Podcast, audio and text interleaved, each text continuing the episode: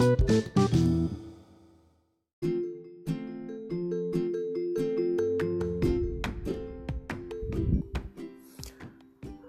jumpa lagi dengan saya Christian Guswai. Kali ini saya akan menceritakan tentang bagaimana memilih POS sistem yang baik. Memilih POS sistem adalah hal yang kritis. Zaman sekarang hampir dipastikan tidak ada bisnis retail bisa dijalankan tanpa bantuan sistem POS. Ketika mendengar sistem POS, sebagian besar orang berpikir bahwa itu adalah mesin kasir Ya, memang tidak salah, tetapi fungsi sebagai mesin kasir bukanlah satu-satunya yang bisa dilakukan sebuah POS yang bagus. Baiklah saya ceritakan pengalaman beberapa retail berikut. Baru-baru ini saya menjumpai tiga retail yang terjebak dalam memilih POS sistem. Sekali lagi, POS adalah sistem, satu kesatuan proses tak terpisahkan. Bukan hanya satu dua fungsi, apalagi hanya untuk jadi cash register atau mesin kasir. Sistem POS yang baik menyelesaikan sebagian besar pekerjaan Anda. Demikian juga sebaliknya, membuat kepusingan bertambah seperti yang dialami tiga pebisnis yang saya kenal di atas. Kasusnya berbeda-beda namun secara singkat kata salah memilih POS sistem. Kasus pertama, seorang peritel yang ingin membangun sendiri POS sistem berbasis POS lama yang sudah dinilai jadul. Peritel tadi meminta bantuan seorang konsultan untuk membimbing si programmer tadi. Ternyata tidak semudah itu. Butuh waktu 6 bulan dan dijanjikan si konsultan tadi bisa membimbing programmer untuk membangun POS sistem menyerupai dari POS yang dijadikan benchmarking.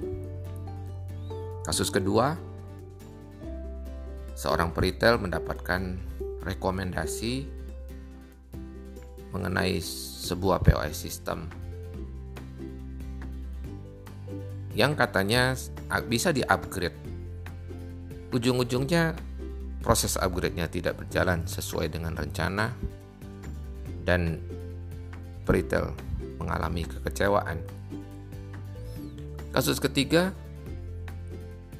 seorang retail membeli POS sistem dikarenakan rekomendasi dari konsultannya yang ternyata tidak objektif.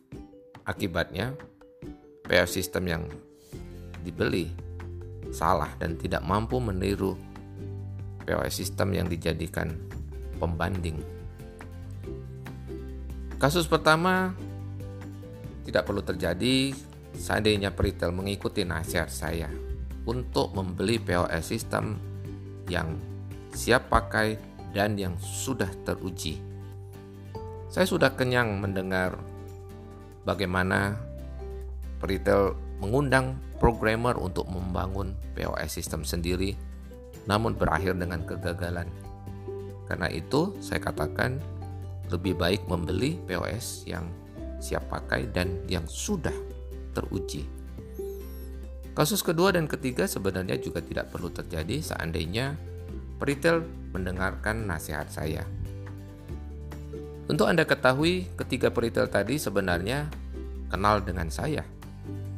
Dan mereka sudah mendapatkan advice dari saya untuk menggunakan POS sistem yang sudah teruji.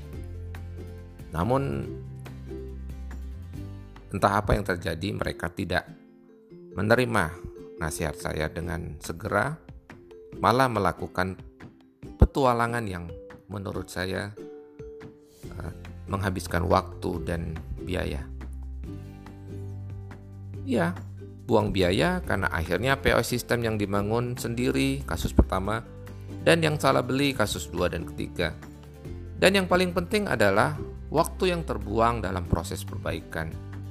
Berikutnya adalah operasional yang terganggu, mulai dari kekacauan data yang mengganggu proses pembelian, kekacauan di tingkat operasi toko karena mengganggu pelayanan di kasir, karena gangguan kecepatan proses data, dan Tak kalah pentingnya, gangguan emosi akibat semua masalah yang diakibatkannya.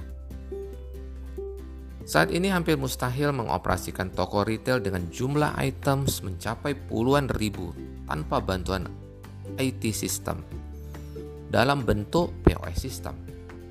Karena itu memilih POS system yang teruji dan terekomendasi menjadi hal vital. Jika Anda butuh POS system yang saya rekomendasikan dan yang paling penting sudah lolos asesmen untuk menjawab kebutuhan peritel terkini, maka jangan ragu untuk menghubungi saya. Anda tidak perlu mengulangi semua kesalahan orang lain untuk menjadi tahu, karena akan membuang waktu, tenaga, biaya, dan tidak jarang emosi Anda. Sampai kita berjumpa lagi di episode mendatang.